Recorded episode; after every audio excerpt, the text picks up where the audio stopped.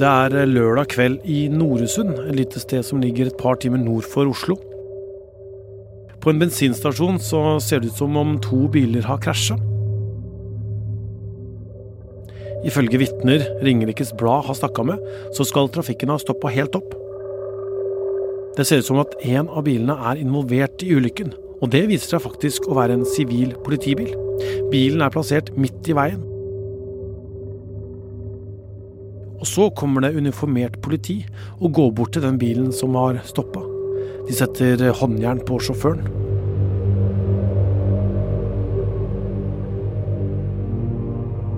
I seks uker har politiet jakta etter svar på hva som skjedde den dagen Jonas Aarseth Henriksen ble drept.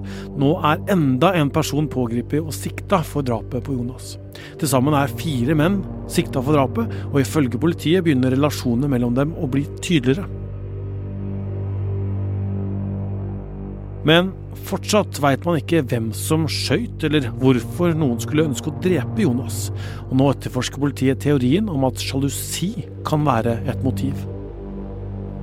Jeg heter Tor Erling Tømt Ruud, og dette er Krimpodden i VG.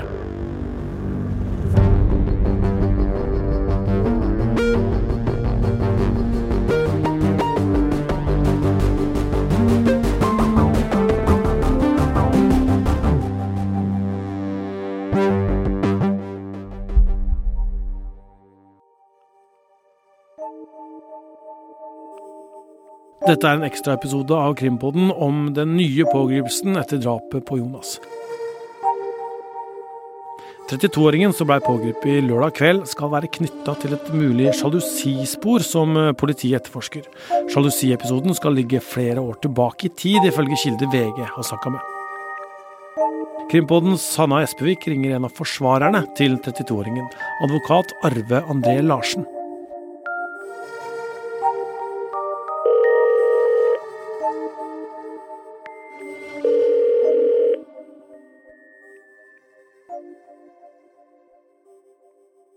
Først litt eh, Hva er det klienten deres har sagt om eh, siktelsen? Eh, klienten er klar på at han nekter straffskyld for siktelsen. Utover det så, så kan jeg ikke noe, gå noe inn på hva han har sagt. Mm. Hvordan stiller han seg til å avgi en forklaring til politiet? Klienten vår er positiv til å avgi forklaring til politiet, men har da på råd fra oss forsvarere valgt å avvente til vi får gjort jobben vår. Eh, per nå så handler det om at vi må få en oversikt over saken. Mm. Og hva blir på en måte da veien videre for, eh, for din klient, da? Ja, veien videre for vår klient nå, det er å snakke med eh, forsvarerne. Og så etter hvert så vil det bli et avhør når vi kommer til den tid. Og lenger enn det er det vel ikke noe vits i å snakke om akkurat nå.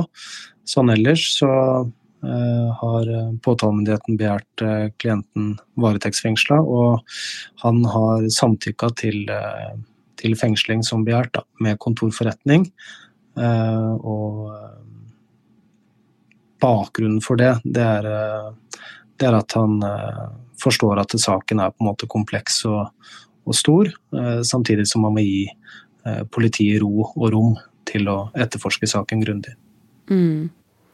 Det er jo siktet eh, tre andre i, i, denne saken. Er dette mennesker som din klient kjenner til fra før? Det kan jeg ikke kommentere. Nei. Har han fortalt noe om han kjenner eh, Jonas som ble drept fra før? Det kan jeg heller ikke kommentere. Alt som har med hva klient eh, sier og, og, og så videre, det, det, kan vi ikke si noe om på nåværende tidspunkt. Ja, det skjønner jeg. Um, men hvordan har han det, eller hvordan har han tatt denne siktelsen? Det er en alvorlig siktelse, og klienten tar det, med, eh, tar det på største alvor. Eh, og er selvfølgelig prega eh, av å være sikta for noe sånt. Samtidig så er han med godt mot og klarer seg bra. Ja. Um, og så har jo det vært litt i, i media, eller NRK bl.a. har um, omtalt et mulig liksom, sjalusimotiv eller sjalusispor som skal knytte seg til, til din klient. Um, hva tenker dere om, om, et slikt motiv?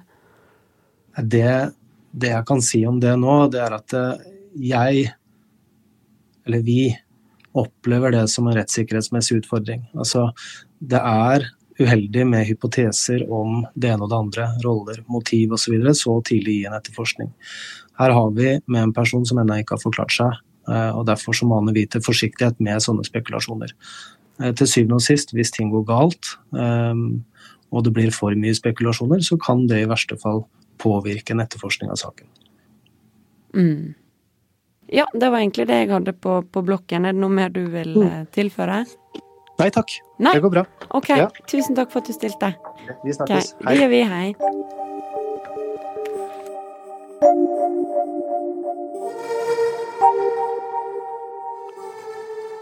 Det var den ene forsvareren til 32-åringen, Arve André Larsen.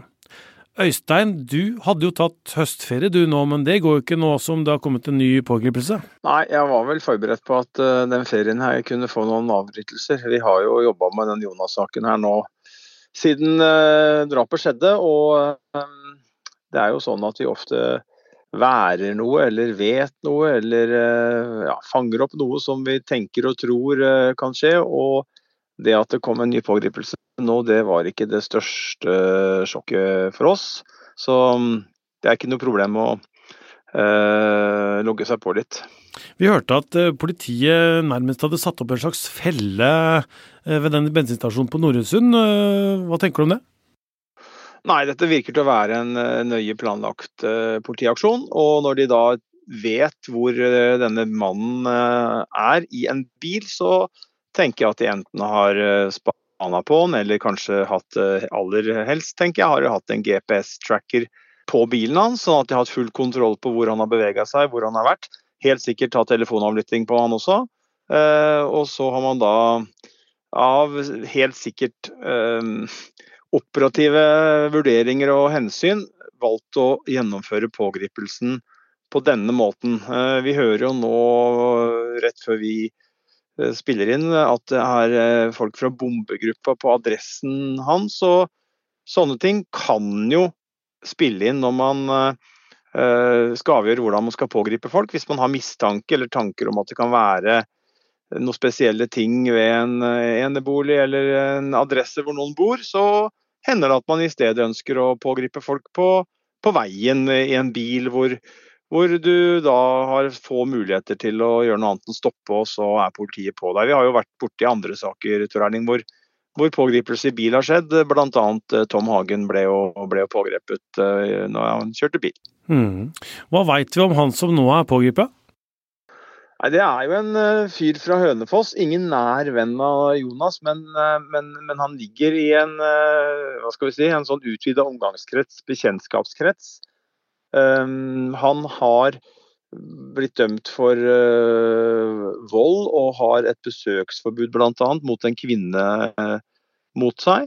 Um, vi i VG har vel snakka med, med, folk som kjenner han og som har jobba sammen med ham, eller hatt han i jobb for seg, som sier at de oppfatta at han hadde kommet på et, på et, bedre spor, og at ting var litt roligere. Det har vært litt turbulens tydeligvis tidligere, men, eh, men at eh, og vedkommende var veldig sjokkert over det som har skjedd nå, overraska over at dette kom, kom som en, ja, en, en, stor overraskelse at det skulle bli en pågripelse da, av nettopp denne mannen.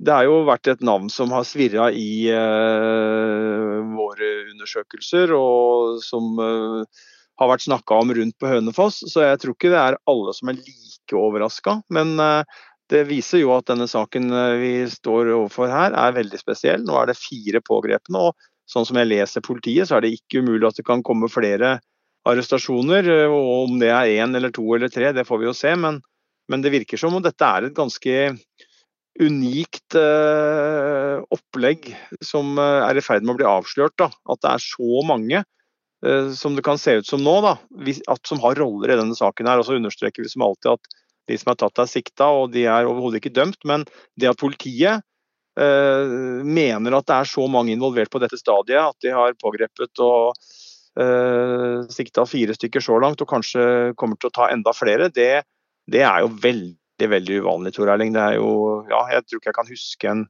en ja, Det er lenge siden i hvert fall at det har vært en tilsvarende sak hvor det har vært mange, mange involverte. Og så vet vi jo at det har vært eh, branner i eh, bil, det har vært hærverk, eh, det har vært tagging, det har vært vold. Og så nå har det kommet et nytt spor inn i saken. NRK skrev i går om et, et sjalusispor, og vi i VG har jo også opplysninger om, om det samme. Hva, hva er det for noe? Ja, Det kan jeg ikke si så veldig mye om akkurat nå, men Utover at det er et, eh, som du sier, eh, en hoved, eller i hvert fall en hypotese, og kanskje en hovedhypotese, at det en, eh, kan være noe sjalusi her som ligger noen år tilbake. Og som da politiet jobber med å finne ut av. Men som politiet også har sagt, så har man jo flere hypoteser. Og det er ikke så veldig mange dager siden de sa det, at de hadde flere hypoteser knytta til motiv. Og jeg leste i hvert fall politiet på det tidspunktet som at de ikke har kanskje sett alle Eller de er ikke sikre på at de har sett alle uh, detaljer og alle mulige slags uh, elementer da, i det som kan til slutt vise seg å være et motiv. Det kan jo være at det er flere ting som spiller litt inn her ved siden av et eventuelt hovedmotiv, men uh, dette er det man jobber med. Det er jo motiv, og som du sier, sjalusi står uh, nå øverst på lista. og det er jo da i tillegg bekrefte at de mener at dette kan være, eller ikke mener at, men at de undersøker eh, muligheten for eh, at det kan være planlagt, og at det er ting som tyder på det. Og så er det jo da alle disse hendelsene som man må prøve å sortere. Er det sånn at alle henger sammen med eh, drapet? Henger noen sammen med drapet? Ting kan jo tyde på at i hvert fall noen gjør det per nå.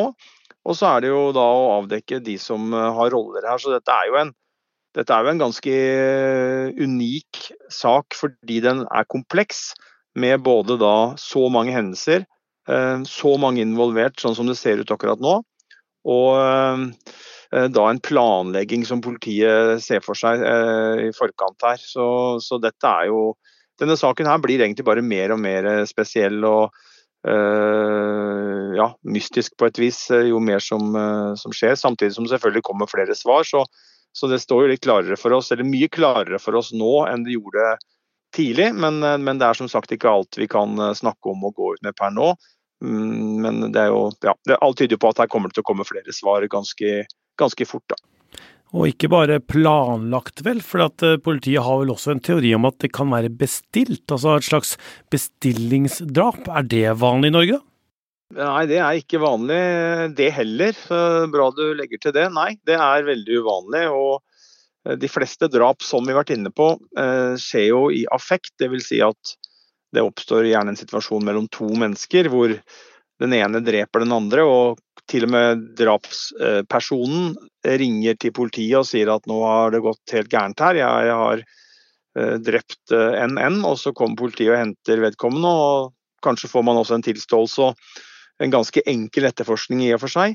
Men eh, det hender jo, det, det hender jo andre ting også. Vi, vi, har jo vært innom eh, f.eks. Lørenskog-saken, Bård Lanes-saken, som jo en del vil kjenne, er jo saker som skiller seg fra det mønsteret. Og så har vi da den Jonas-saken som, som, absolutt også gjør det, og som ja, sånn sett i en det er vel var det en snitt på en 30 drap i Norge litt pluss-minus opp gjennom eh, i løpet av et år. og det er klart at Dette her er jo en av de veldig, veldig spesielle og kan, ja, veldig spesiell sak eh, målt imot og sammenligna med mange andre saker som, som handler om drap.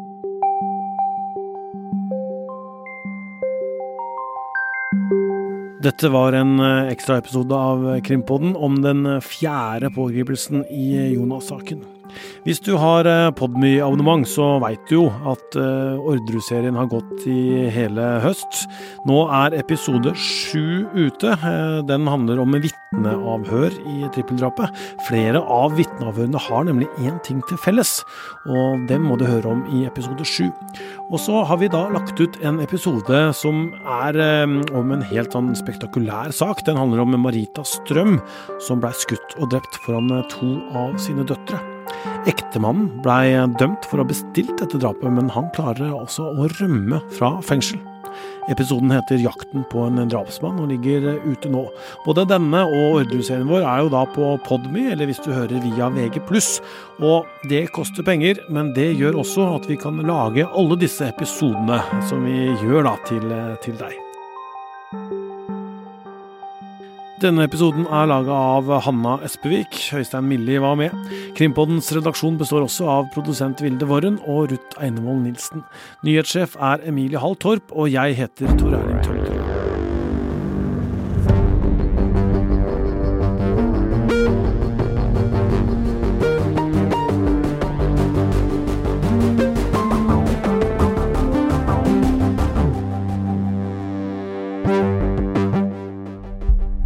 Har hørt en podkast fra VG.